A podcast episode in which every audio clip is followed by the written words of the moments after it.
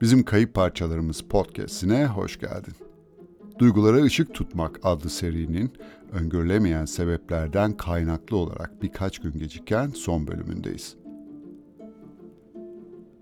Korkutucu filmlerden klipler izletilen, tehlikeli görünen yılan ve örümceklerle dolu bir yerde zaman geçirmek zorunda bırakılan, bütün bunlar yetmiyormuş gibi bir de lanetli olduğu söylenen bir evin içerisinde uzun bir gezintiye çıkarılan bir kadının içinde bulunduğu durum hakkında ne düşünürdün?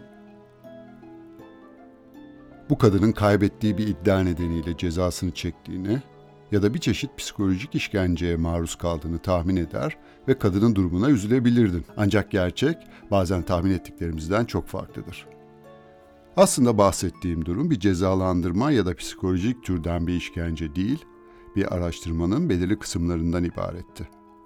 Bu araştırma beynin amigdala denilen kısmındaki bir çeşit bozukluğun korku tepkisinin ortaya çıkışını ne şekilde etkilediğini anlamak için düzenlenmişti. Beynin duygusal tepkilerin oluşmasında en önemli role sahip olan kısmının amigdala olduğu biliniyor. Deney öncesi yapılan ölçümlerde amigdala lezyonu olan bu kadının zihinsel bir yetersizliği olmadığı tespit edilmişti ve tüm temel duyguları deneyimleyebiliyordu. Korku duygusu hariç. Bu araştırmada denek örümceklere ve yılanlara neredeyse hiç korkmadan keyif alarak dokunmuş, hatta dokunması için kendisine izin verilmeyen en tehlikelilerine dokunmak için önüne geçemediği bir istek duyduğunu söylemiş. Korku hissinin olmaması kulağa çok havalı gelse de aslında korku hissinin yokluğu hiçbir canlı için neredeyse hiçbir koşulda işe yarar bir özellik değil. Korku hissinin temel işlevi kendini incitmekten veya tehlikeye atılmaktan kaçınmaktır. Bunun yanında korku hissi tehlikeli bir durumla karşılaşan kişiye kendisini koruyacak motivasyonu da sağlar. Yani korku hissi, yaşam kalitesi ve beklenen yaşam süresi üzerinde doğrudan etkilidir.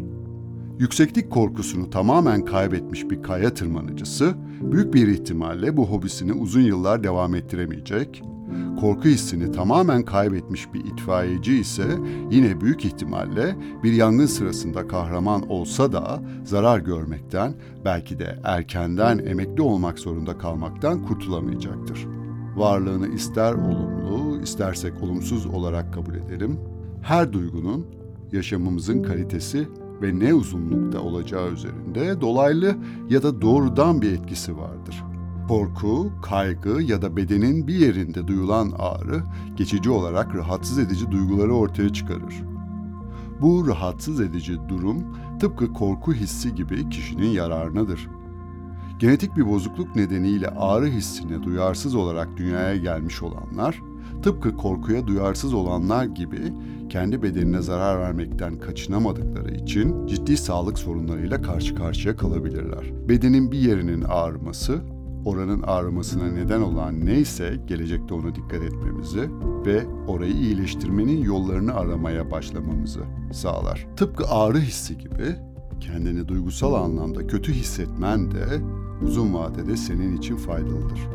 Herhangi bir durumda kendini kötü hissettiğinde ve bu histen kaçmayıp ya da bu hissi değiştirmeye çalışmayıp onu olduğu gibi kabul ettiğinde muhtemelen hayatında yolunda gitmeyen bir şeylerin, belki de eksik olan bir şeylerin, kayıp parçalarının farkına varırsın. Bu durumda bir desteğe ihtiyaç duyabilirsin. Bir arkadaşınla buluşmayı, bir sosyal ağa katılmayı ya da bir psikologla görüşmek için randevu almayı tercih edebilirsin. Ne yaparsan yap, önceki durumundan daha iyi olacaksın. Burada ince nokta, ister fiziksel, ister psikolojik bir sorun içerisinden geçelim. Bu durumu yaşarken olumsuz durumu olduğu gibi görüp kabul etmek ve durum iyiye gitmeye başladıktan sonra da artık olumsuz hissin varlığına devam etmesine izin vermemektir. Olumsuz ruh hali kişinin kendisini herhangi bir durumda başarısız hissettiği bir zaman, mesela yeterince çalışmadığı bir sınavda başarısız olduğunda ya da tutkulu başlayan romantik bir ilişki ayrılıkla sonuçlandığında kişiyi aynı hissi ileride tekrar deneyimlememek için farklı stratejiler üzerinde kafa yormaya yönlendirir. Eski zamanlarda insanlar avdan eli boş döndüklerinde aç ve mutsuz olduklarında muhtemelen yeni avlanma yöntemleri üzerine düşünüyorlardı. Günümüzde aç kalmamak için avlanmamıza gerek yok belki ama giderek çeşitlenen ihtiyaçlarımızı karşılayabilmek için her gün yeni beceriler geliştiriyoruz. Yani ihtiyaçlarımızı karşılayamadığımız için mutsuz olmak ya da mutsuz olma ihtimali bile bizi harekete geçiren bir güç. Mutsuz olmak yaşantımızı iyiye doğru ilerletmek için gerekli işlevsel mesajları taşıyor. Mesajları doğru şekilde anladığımızda ve hayatımızı iyiye doğru ilerletmek için gerekenleri yapmaya başladığımızda mutluluk hissi yavaş yavaş kendini göstermeye başlıyor. Açık bir farkla büyük çoğunluğumuz mutluluk hissini başka her türlü hisse tercih ediyoruz.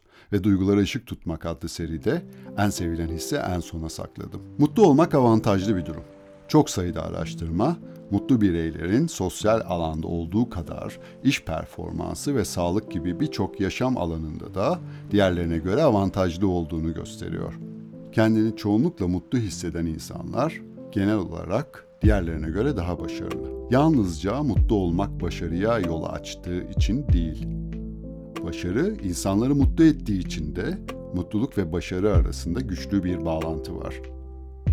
Dahası kendini ortalama bir kişiden daha mutlu olarak tanımlayan bireyler daha güçlü bir bağışıklık sistemine sahipler. Kalp krizi geçirme olasılıkları daha düşük ve daha az arter tıkanıklığına sahipler. Daha sağlıklı davranışlarda bulunma ve sağlıklı alışkanlıklar geliştirme eğilimindeler. Birinin kendini mutlu olarak tanımlaması yalnızca bireyin kendisi için değil, toplum için de faydalı. Bu konudaki araştırma bulgularına göre bu kişiler toplum yararına çalışan derneklerde gönüllü olmak gibi konulara daha ilgililer. Birçok araştırmaya göre dış faktörlerin bireysel mutluluk üzerinde etkisi göreceli olarak düşük. Genetik faktörler ise mutluluk üzerinde dış faktörlere göre daha etkili. Hatta 1996'da yapılan bir araştırmada bu durum oldukça katı biçimde daha mutlu olmaya çalışmak, daha uzun olmaya çalışmak kadar yararsız bir eylem olarak ifade edilmiş. Ancak son zamanlarda yapılan birçok araştırma durumun bu kadar da ümitsiz olmadığını belirtiyor. Her ne kadar doğuştan getirdiğimiz özelliklerin etkisi yatsınamaz olsa da kişinin mutluluk hissini daha yoğun ve daha sık deneyimlemek için yaşantısında gerçekleştirebileceği çok fazla değişim yöntemi de mevcut. Daha mutlu birisi olmak için bir şeyler yapmak istiyorsan en başta yapman gereken daha çok ya da daha nitelikli olarak sosyalleşmen. Birçok çalışma insanların günleri içindeki en iyi olarak tanımladıkları bölümün sosyal etkileşimde bulundukları zaman olduğunu gösteriyor. Daha fazla sayıda arkadaş ve aile üyesi olan bireyler çoğunlukla daha mutlular.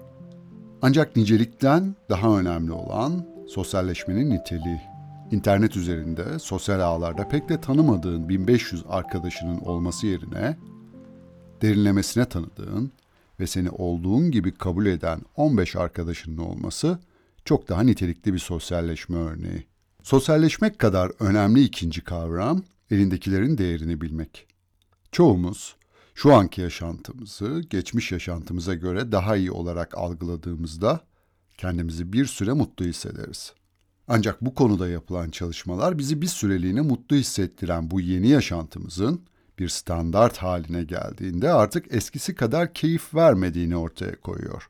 Okulu bitirdikten sonra iyi bir iş bulduğunda kendini mutlu hissedersin. Sonra bu durum bir standart haline gelir ve artık eskisi kadar iyi hissettirmez. Sonra mutlu hissetmen için iş yerinde terfi etmen gerekir. Sonra kendi işini kurman ya da daha kazançlı bir iş bulman seni eskisinden daha mutlu hissettirir. Sonra bu kurduğun iş ya da bulduğun çok kazançlı iş de seni önceki kadar mutlu etmez. Sanırım kısır döngünün farkına vardın. Aslında kendini iyi hissetmen için sürekli yeni başarılara, yeni heyecanlara ve yeni ya da daha büyük haz kaynaklarına ihtiyacın yok ki bu durumun sonu da yok zaten. Elinde neler var? Dikkatle baktığında şu anki yaşantın içerisinde yer alan, sahip olduğun fakat değerini yeterince bilmediğin yüzlerce ayrıntıyı keşfedeceksin. Mutluluk çok şeye sahip olmak değil, sahip olduklarının farkına varmak biraz da. Üçüncü kavram, kendine iyileşmek için fırsat vermek. İnsan bazen hata yapar, bazen yanlış tercihler yapar, bazen kendini aynada görmeye bile tahammül edemez. Bunun gibi birçok durumda kendini acımasızca eleştirmek, kendini yetersiz hissetmek yerine kendine karşı nazik ve anlayışlı olmak iyi hissettirir. Dördüncü kavram iyimserlik. Gerçekçi olmak iyidir. Modern dünya akılcı, gerçekçi düşünceye çok şey borçludur. Fakat tarihte olumlu anlamda iz bırakan kişiler gerçekçi olduğu kadar aynı zamanda iyimser olanlar. Araştırmalara göre iyimserler tıbbi operasyonlardan sonra daha çabuk iyileşiyorlar ve daha uzun yaşıyorlar. İyimserlik sadece olayları değerlendirirken değil, kendini değerlendirirken de işe yarar. Kendini iyimser bir bakışla değerlendirmek iyi hissettirir. Bu son 3 bölüm duygularımız hakkında çok kısa bir giriş niteliğinde. Daha da fazlası için ilerleyen bölümlerde görüşmek üzere.